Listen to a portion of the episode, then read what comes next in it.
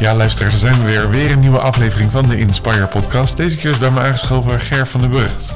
Ger, welkom. Dankjewel. Hey, um, voor de luisteraars die al een tijdje naar deze aflevering luisteren, die weten het inmiddels. Uh, de klassieke openingsvraag die we eigenlijk bij ieder interview gebruiken is: wie ben je en wat doe je? Oké. Ik ben uh, Ger van den Burgt en wie ik ben is een IT'er, voormalig IT'er en met alles erop en eraan. Een hele klassieke loopbaan heb ik doorlopen. En uiteindelijk uh, unit manager geëindigd. Uh, inmiddels aangesloten alweer anderhalf, twee jaar bij Inspire als business development manager. Waarbij ik, ik probeer aanvragen te matchen met beschikbare. En dat kunnen uh, interne mensen zijn, maar ook ZZP'ers. Yes. En jij hebt dus een iets ander pad als uh, al je voorgangers in deze afleveringen, hè, waar we toch met name over agile coaches of over leapwork hebben gekletst of andere onderwerpen. Um, maar je zegt net zelf van je hebt een klassieke IT-achtergrond. Kun je daar iets verder over uitweiden? Van wat is dan die achtergrond? Ja hoor, ja, ja. ik heb uh, HTS Informatica gedaan vroeger. Dus ik ben begonnen als programmeur. En het oude pad was uh, technisch ontwerp, functioneel ontwerp, uh, informatieanalyse, uh, projectleider, projectmanager. Mm -hmm. Dat heb ik allemaal doorlopen. Ja. Het heeft al een aantal jaar geduurd, maar. en daarna heeft mijn, heb ik mijn focus gelegd op het testmanagementschap. Mm -hmm. En dat heb ik ongeveer 18 jaar gedaan bij verschillende partijen en verschillende opdrachten. Dat leek me wel leuk. Uiteindelijk geëindigd als business unit manager, maar wel altijd van uh, IT-ondernemingen. Maar ben je dan meer een. Uh, en het is misschien een beetje een kort op de bocht vraag, dus je mag hem nu gewoon nuanceren. Ben jij dan meer een, een specialist die uiteindelijk is toegegroeid naar meer een staf- en een kaderfunctie? Of ben je meer een generalist die heel lang op de inhoud is blijven zitten? Nee, ik was vroeger echt wel specialist. Echt wel. En ik, mijn, mijn oog werd getrokken door allerlei uh, andere uh, managers. Waarvan ik dacht van, hé, hey, dat is eigenlijk ook wel leuk. Dat is veel meer omgaan met mensen dan met uh, ja, spullen, dingen. Hey, en dan ben ik toch nieuwsgierig, met name naar dat, dat kantelpunt. Want uh, in de afgelopen afleveringen hebben we het heel veel gehad over testautomatisering, over een rol als consultant, over uh, rol als coaches, teamleiders, noem het maar op. Maar je hebt uiteindelijk de stap gemaakt naar, naar via business unit manager naar nu business development. Ja. Uh, van waar die stap? Nou, de, de business unit manager zat ook wel development in, natuurlijk. Uh, de andere stap is denk ik belangrijker om even toe te lichten. Dat ik bij uh, inhoudelijke klussen, vanuit inhoudelijke klussen, toch een overstap ben gaan maken naar een soort managementrol. En dat heb ik gedaan bij Accenture. En Accenture staat erom bekend dat je uh, altijd een inhoudelijke klus moet hebben. En je kan daarnaast nog een unit leiden. dus dat is ja, gewoon een dubbele taak. En dat vond ik eigenlijk ook wel heel leuk om dat te doen. Ja, dus, dus daar is de, de, uh, de liefde voor het managementschap gekomen. Hey, en dan ben ik toch nieuwsgierig. De wereld waar je nu in zit is toch wat meer cowboys, hè? Toch wat meer snelle jongens. Gewoon snel meters maken, snel geld verdienen. In ieder geval als ik naar de profielen om jou heen kijk. Hè? Van vergelijkbare profielen. En daar is natuurlijk in de basis niks mis mee. Maar jij bent natuurlijk veel meer een, een specialist die toevallig is uitgegroeid naar deze rol. Um, in hoeverre helpt het jou of blokkeert het jou? Hè? Um, dat je al die bagage hebt uit het verleden? Ja, het helpt inhoudelijk wel. Omdat je als je cv's leest of met mensen spreekt... dat je vaak wel heel snel uh, de inhoud ook kan oppakken. Dat je die in ieder geval begrijpt waar iemand mee bezig is en wat hij heel graag zou willen. Uh, dat helpt. Uh, ik ben geen cowboy, dus dat zou een beetje blokkeren. Nee, maar ik, ik, kan me zo voorstellen. En, en, en dat is natuurlijk een frustratie die bij heel veel mensen in de markt heerst. Van, joh, uh, er zet een recruiter die niet oplet, hè, of een inkoper die uh, geen verstand van zaken heeft, zet een vacature online voor Swift-ontwikkelaar met 15 jaar ervaring, of uh, Angular met, nou, inmiddels kun je, kun je tien jaar wel zeggen, maar in ieder geval allemaal dingen die net niet kloppen of gewoon helemaal niet te doen zijn. En waar er gewoon 300 uh, business development managers op reageren met jou hoor. Ik heb wel een kandidaat die erin past. Ja, ik kan me heel goed voorstellen dat uh, nou, enerzijds dat helpt jou. Dat je kan zeggen van hé, hey, maar dat klopt niet wat je daar schrijft. Ik kan me ook goed voorstellen dat dat af en toe wel eens tegen je werkt. Dat je te veel bagage hebt. Ja, dat kan, maar dan ga ik het vaak wel checken. Weet je, als ik denk van nou, of, of uh, dit kan niet, of het is een uh, warme stoel, hè, zoals we dat noemen. Dat kan natuurlijk ook, dat de, de aanvraag uitgeschreven is, maar die, dat die specifiek voor iemand bestemd is. Ja. En dan probeer ik dat wel uit te zoeken. Ik probeer wel contact te leggen met degene die die aanvraag uitzet. Mm -hmm. En dan kijken van of het klopt niet, of het is een warme stoel. Want volgens mij is er geen andere mogelijkheid dan. Uh, laten we daar eens even iets verder op ingaan. Want um, de wereld uh, nou, verandert razendsnel. Uh, meer omdat er gewoon een gigantisch tekort is aan IT-personeel. Dus iedereen die ook maar zegt dat hij mensen heeft, die kan ze in principe gewoon plaatsen. Um, in hoeverre is er dan nog sprake van die cowboymarkt die het ooit was? Het blijft toch altijd uh, snelheid en accuratesse. En daarmee scoor je. En ja, daar gaat het om. Dus echt, ja, cowboy. Ja, je moet gewoon snel zijn. Dat, daar gaat het om. Oké, okay, en dan ben ik benieuwd. Uh, hoe heb jij dat georganiseerd? Je bent uh, deze rol binnen Inspire. Hoe, hoe, organiseer je het zo dat uh, je altijd snel kan reageren? Heb je daar een soort holy grail voor die je kan gebruiken?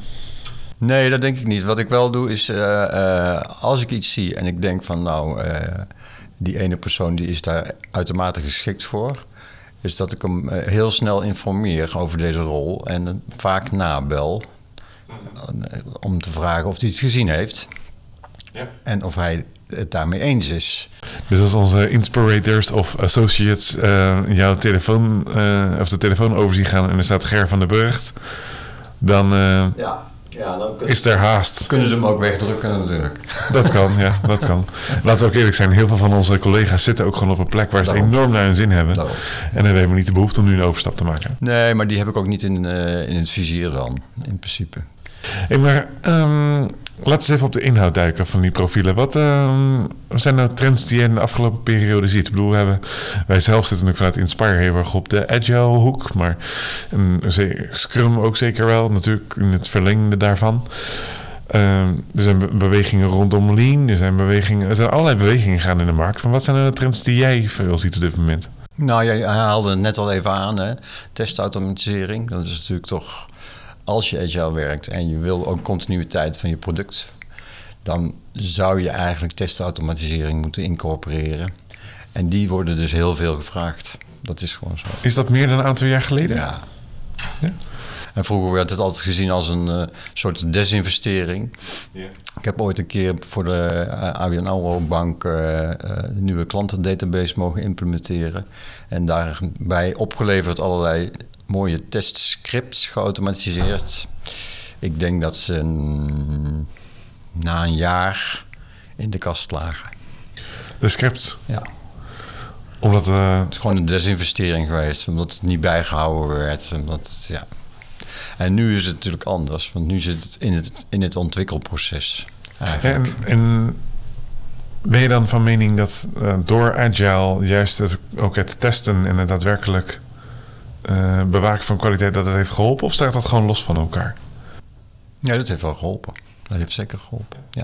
Oké, dus we zien testautomatisering als iets wat enorm opkomt. Zijn er, zijn er nog andere skillsets? Bijvoorbeeld als we meer kijken naar technieken of meer kijken naar, naar handvaten of opleiding of taal. Uh, wat wordt er verwacht vandaag de dag? Technieken is natuurlijk, ja, Java is, ja, dat is gewoon echt heel belangrijk. Mm -hmm. En dat doet. Uh, in principe natuurlijk Alex binnen Inspire. Ja. Daar, daar zit ik niet zo bovenop. Uh, langs de andere kant, uh, Scrum Masters die zijn niet aan te slepen. Dus er zijn zoveel aanvragen waar ik gewoon ja, een nee op moet antwoorden. Dus uh, mocht ik mijn rol als marketingmanager hier bij Inspire echt nog een keer zat zijn, dan moet ik gewoon om laten schoten als Scrum Master. Absoluut. ja, dan kan ik de komende jaren geld verdienen. Dat durf ik niet te zeggen. dat hangt, hangt af van mijn kwaliteiten. Ja. Maar er worden Scrum Masters zat gezocht. Ja, Yes. Ik hoor je vertellen, ehm testautomatiseerders. Ik hoor je zeggen Scrum Masters. Eh, in die zin eh, toch een beetje klassiek IT gerelateerd. Eh, toch zijn er ook een hoop trends op het gebied van data, gebied, op het gebied van design. Eh, Nederland staat toch bekend om zijn service design. Dus ja, alles wat je vandaag, als je vandaag de dag denkt van joh, we bouwen een mooie applicatie, die laten we maken door back-end developers. We plakken er een frontend op wat eh, somewhat oké is, dan komen we er wel mee weg. Dat lukt nu niet meer. Ehm, in hoeverre zie jij andere rollen ehm, ook meer geïncorporeerd worden in het, in het ontwikkeltraject? Ja, wat je nu heel veel ziet is eh, ehm, de ontwikkeling van de, de product owner rol. Hè? En Dat is de, degene die verantwoordelijk wordt voor het product uiteindelijk. En die stuurt dan e- één of meerdere agile teams aan. Eh, die wordt er op dit moment eh, ontzettend veel uitgevraagd. En vandaar ook de, de, ehm, dat wij aan de recruitment kant heel veel PO'ers willen werven. Ja, en nu ben ik toch nieuwsgierig, want ik had laatst een heel interessant gesprek met Michiel daarover. Ehm, onze collega Michiel is natuurlijk verantwoordelijk voor het product ownership wat we hebben binnen Inspire. En hij zegt ja, dat product owners, dat, dat blijkt toch een beetje een, een bijzonder gebied. Want aan de ene kant heb je natuurlijk de product owners vanuit de Scrum-gedachte. Met veel autonomie, veel vrijheid en veel verantwoordelijkheid. En je hebt ze ook vanuit de Safe-gedachte, waarbij eigenlijk de product owner gewoon niks te zeggen heeft. En gewoon moet luisteren naar de product manager. Ehm, wat zie jij nou als trends? Want jij ziet toch al die veranderingen in de markt. Neigt het nou meer naar de, naar de kant waarbij de product manager het voor het heeft? Of neigt het toch meer naar de, de autonome eh, product owner rol, waarbij de product owner ook echt het stukje ownership krijgt toebedeeld? Dat blijft altijd lastig. Dat is een, eh, eh, ja, dat is een dilemma. Je ziet het vaak dat de product owner op papier wel eindverantwoordelijk is, maar dat de product manager eh, desnoods gewoon overroelt. En als je dan, dan dat terugvertaalt naar kandidaatzijde, wat verwachten die? Die hopen op heel veel autonomie. De meeste eh, PO's willen ook heel graag eh, één of meerdere teams eh, aansturen. Of aansturen, begeleiden moet ik zeggen. Ja, het ligt er een beetje aan. Sommigen zijn niet zozeer van de techniek. Dus als je bijvoorbeeld een aanvraag hebt op product ownership bij een infrastructuurding, ja, dat, dat hebben wij niet. Dat soort kandidaten hebben wij niet. Nee, precies, precies. Maar wat ik je toch wel tussen de regels door hoor zeggen, is dat uiteindelijk eh, iedere product owner eigenlijk gewoon een omgeving wil waar die gewoon vrijheid heeft en beslissingsbevoegdheid. Ja, is het traditionele model van product owner in een omgeving zoals Safety kent, is die dan nog wel houdbaar op de lange termijn en met een dusdanige krapte op de arbeidsmarkt? Ja, dat is een goede vraag. Dat is, eh, dat is lastig. Maar de product manager die kan niet eh, alle eh, product owners waarnemen, zeg maar. Dus hij zal altijd wel een... Nee, maar ik, ik, tel, ik tel een aantal dingen bij elkaar op. Ik tel bij elkaar op dat er is een krapte op de arbeidsmarkt. Ehm, mede daardoor. Maar hebben eh, IT-professionals de banen voor het oprapen. Hè? Ze werken vandaag hier, ze kunnen morgen ergens anders aan de slag. Letterlijk. Het, het type projecten. Hè? Je hoeft ook niet meer aan te komen met... joh, we hebben hier een heel saai project wat drie jaar gaat duren. Want er is ook niemand meer die daarop aanhaakt. En cultuur is, als je de verschillende best place to work eh, rapportjes en rapport van anderen erbij haalt, is een vrij belangrijk element. Als ik dat allemaal bij elkaar optel, dan moet je gewoon, ja, misschien klinkt dat vanuit mijn rol als marketingmanager bij Inspire iets wat eh, incestueus, maar dan moet je een omgeving bieden waar lol en plezier voorop staan. Dat is punt één. En dat begint nog altijd met gewoon het feit dat mensen vrijheid hebben en autonomie. En gewoon zichzelf kunnen ontwikkelen. Dus als je het mij vraagt, is die rol op de lange termijn niet meer houdbaar. Op lange termijn, dat weet ik niet. Ik denk dat als je ergens binnenkomt en je hebt te maken met een...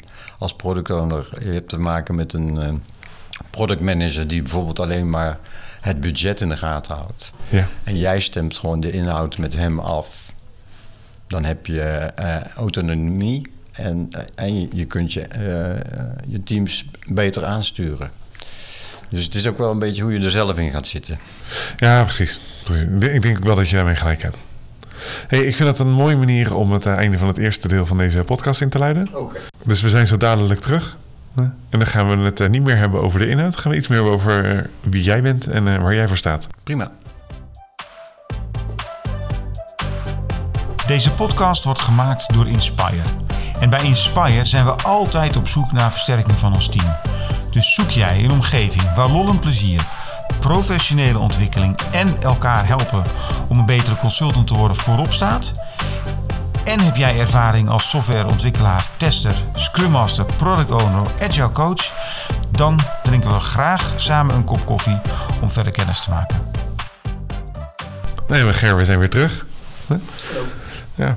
Eh, deel 2 van deze podcast, het wat zachtere deel. Het deel waar we niet meer gaan hebben over de inhoud. Ja, soms komt het nog wel een beetje ter sprake. Maar iets meer gaan hebben over de persoon achter eh, de rol en de functie. Kun je iets meer vertellen over jezelf? Je hebt heel mooi verteld wat jouw loopbaan is. Maar we hebben eigenlijk geen idee wie jij bent, waar je voor staat... en wat je hobby's zijn en wat je leuk vindt om te doen. Nee, dat klopt, dat klopt. Ik eh, kan in het kort wel vertellen wat ik leuk vind en wat ik doe. Ik ben een vervent hardloper.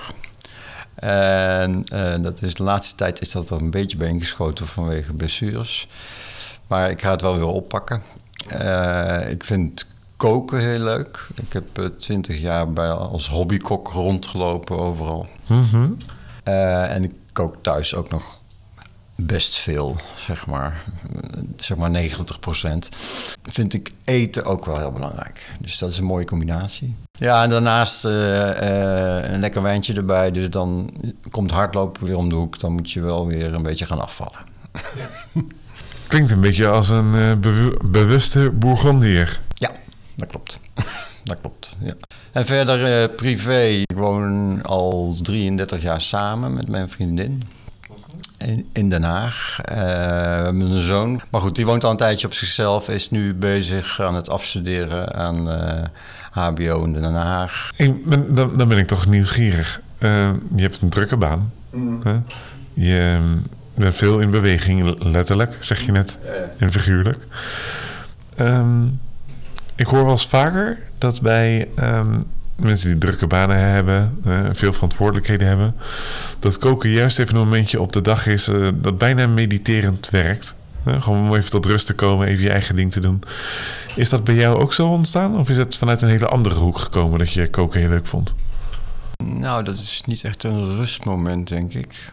Ik vind het ook wel soms crisis om, het, om het goed te doen. Ik had op een bepaald moment eh, in, het verleden een tennisvriendje die zat bij een kookclub. En eh, toen, toen kookte ik zelf thuis al best veel.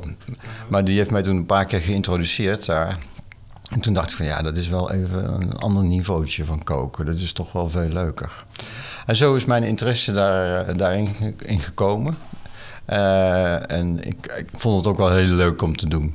Gewoon. Ja, en en wat, wat maakt nu dat jij dat... ehm, welk aspect van koken vind je dan zo leuk? Ik vind het eh, voorbereiden en eh, regie. Met name eh, regie op datgene wat op tijd klaar moet zijn. En, en wat voor soort smaken dat je combineert. En dat soort zaken, ja, dat vind ik heel leuk. Is dat ook iets wat men zakelijk bij jou herkent? Dat je Regie houden. Ja. regie, Ja. controle, punctualiteit, eh, dingen op tijd af hebben, Ja, ja. dingen onder controle houden. Ja, dat probeer ik wel. En ik, eh, ik ben niet de, aan, de jager, zeg maar, als ik eh, iets van iemand nodig heb. Maar ik zal wel duidelijk maken dat ik het echt wel nodig heb. Dus ja. Klinkt als een heel... ehm, alsof je jezelf heel goed kent, Ger. Ja, nou ja, ja, dat denk ik wel. En naast het koken hebben we, eh, heb ik samen met mijn vriendin ook nog een, een ander eh, eh, bedrijfje opgezet. Dat heet eh Miss Soto. Dat is eh, Indische maaltijdsoep die wij dan verzorgen. En dat doen we op de donderdag en de vrijdagmiddag. Oké. En nu is het seizoen weer aangebroken dat we dat ook uitrollen naar een aantal eh, strandtenten in eh, Kijkduin. Maar dat kan ook door privé mensen eh, besteld worden. Maar dan moeten we wel in de, buurt van Den Haag zijn. hey, maar ehm, neem even een eh, minuutje of twee. Vertel ons, ons even wat meer daarover. Uh, dat is ontstaan. Mijn uh, vriendin is 1 achtste Indisch. En haar moeder kookt af en toe deze soto-soep. En die vonden we altijd heel lekker. En toen hebben wij uiteindelijk met, met familie happenings geprobeerd om die soep gewoon na te maken. En dat ging op een bepaald moment best goed. En toen hadden we zoiets van, nou ja, waarom alleen maar bij happenings? Waarom kunnen we kunnen het natuurlijk ook gaan verkopen? Mm uh, zodoende hebben we dat geprobeerd. We hebben een website opgezet en we hebben verschillende uh, mailings de deur uit gedaan en geflyerd en alles erop en eraan. En dat loopt nu al een jaar of vier. Maar ja, dat is wel met ups en downs. Ik bedoel, als ik, als ik de strandtenten mis, dus zeg maar vanaf november tot en met maart, halverwege maart dan eh, keldert die omzet wel behoorlijk. Daar, kan ik me heel daar kan ik me iets voor voorstellen. Wat dat betreft was COVID ook gewoon, uh, denk ik, heel rot voor je. Heel rot, ja. ja. Maar het klinkt ook gewoon als een hele leuke side hustle, klopt dat? Dat is het ook. Het is ook leuk om te doen. Het is uh, maken het met, met, allerlei verse producten. Dus je, ook daar heb je wel weer een stukje regie nodig om het allemaal goed en op tijd klaar te hebben. En op tijd bij die strandtenten geleverd te krijgen. En uh, ja, strandtent in Kijkduin zijn echt bijna niet te bereiken. Want je, je mag met de auto nergens op. Ook niet als toeleverancier? Nee, nee, oh Ja, of je moet het doen eh, voor negen uur s ochtends. Nou, dat betekent gewoon vroeg je bed uit, Ger. Dat, dat, en dat, dat, daar ben ik dan weer niet zo goed in. Nou, nou dat is ook eerlijk. Hey, Ger, ik vind het een leuk gesprek tot nu toe. Uh, we gaan wel alvast richting afronding. Maar niet voordat we ook even een paar jaar vooruit kijken. Okay. Je, bent, je hebt verteld over je verleden, over je ervaring als IT'er. Je hebt verteld waar je nu staat en wat er nu allemaal beweegt, zowel privé als zakelijk. Uh, maar waar vinden we jou over een aantal jaar? Wat ben je dan aan het doen? Goeie vraag. Uh, ik vind dit leuk wat ik bij Inspire doe. Ik heb uh, zojuist met Marcel nog even gesproken over een aantal andere dingen die ik zou kunnen oppakken. Mm -hmm. En ik vind het gewoon een hele leuke tent, Inspire. Uh, en als ik daarnaast uh, Misoto nog kan blijven doen, dan, en dat kan omdat nu heel veel online gebeurt. En dat zal niet heel veel gaan veranderen, denk ik. Uh, zeker niet in het, het, vak wat ik nu doe. Lijkt me dit gewoon een hele, hele prettige uh, groeimodel om ook andere dingen te gaan doen. Mm -hmm. Zoals bijvoorbeeld ja, aanvragen die we direct krijgen. Die zou ik ook via LinkedIn kunnen verspreiden om, om wat meer reuring in de markt te krijgen. Dus dat, dat lijkt me allemaal wel leuk. En uh, verder ja, hoop ik dat, dat we Misoto ook nog verder kunnen uitbreiden. Dus dat we ook bij we hebben het een tijdje gedaan dat we dat bij een, uh, een viszaak ook deden. Want we hebben Soto Ayam en, en Soto Ikan. Dus de Ikan is voor de vis. Yes. Dat we vaste afleveradressen hadden bij, bij, bij viszaken. Dus ja, daar moeten we ook wel weer wat werk aan gaan besteden. Om dat voor elkaar te krijgen. Dus ik denk op de beide fronten waarop we nu actief zijn, wil ik wel wat meer uitbreiden. Ger, ik ga heel eerlijk naar je zijn. Ik zit nee te luisteren. En ik, um, en ik vind het heel mooi dat je gewoon die beide dingen gewoon naast elkaar wil blijven doen. Heel veel veelzijdigheid hebt daarin. Maar ik vind je wel een beetje voorzichtig. Voorzichtig, ja. In hoe je het uitdrukt. Nou, Terwijl volgens, volgens mij heb je gewoon een heel duidelijk plan. En we gaan gewoon groeien met de soepen. En we gaan gewoon groeien met het aantal aanvragen en het aantal plaatsingen bij Inspire. En uh, heb jij daar een hele duidelijke visie op? In ieder geval, zo ken ik jou inmiddels. Nou ja, dat, ja dat, daar heb ik wel een visie op. Heb ik, uh, ik, ik, ben binnen Inspire nu dus uh, qua aanvragen even afhankelijk van, van profielen die, die mij aangeleverd worden. Mhm. wat dat betreft is het... als ik die uitbreiding kan doen met LinkedIn, dat ik zelf dus ook mensen kan enthousiasmeren voor Inspire dan zou dat al wat meer uh, business op gaan leveren. Dat zou ik ook wel heel leuk vinden. En voor Misoto, ja, daar heb je gelijk in. We doen het continu hoor. We gaan bij kippenboeren langs en bij viszaken. sommigen vinden het, omdat verse spullen zijn, vinden die dat lastig. En dat is ook zo. Dat is ook. En je, je loopt een risico, je kan geen voorraad houden, je moet het verkopen. Ja, en dan moet je ineens aan de bak, hè? Als retailer. Nou ja, weet je wat ik eh, bij sommigen heb gedaan, is dat ik eh, de verse spullen, dat ik dan het risico neem. Ja, dan is het een win-win. Wie durft er dan nog nee te zeggen? Ja, precies. Nee. Hey, ik, ik vind het een mooi om de podcast weer af te sluiten. Heel goed. Hoe vond je het zelf gaan? Ja, leuk. Ja. Kom je nog een keer terug? Ja hoor, tuurlijk. Misschien moeten we ook eens een keer gaan praten, gewoon een aflevering over aanvragen. Ja. Ja, plaatsen we ze in audiovorm online. Ja, precies. Nou, hey, hartelijk dank voor je tijd. Heel goed. En eh, luisteraars, dank je wel. Dat was hem alweer, deze aflevering van de Inspire podcast. Alles wat je hebt gehoord in deze aflevering kun je terugluisteren, terugvinden op onze website inspire.nl. Wil je meer weten over Inspire, werken bij Inspire of gewoon informatie vinden over onze fantastische cultuur? Kijk dan even op inspire.nl en uh, dank je wel voor het luisteren.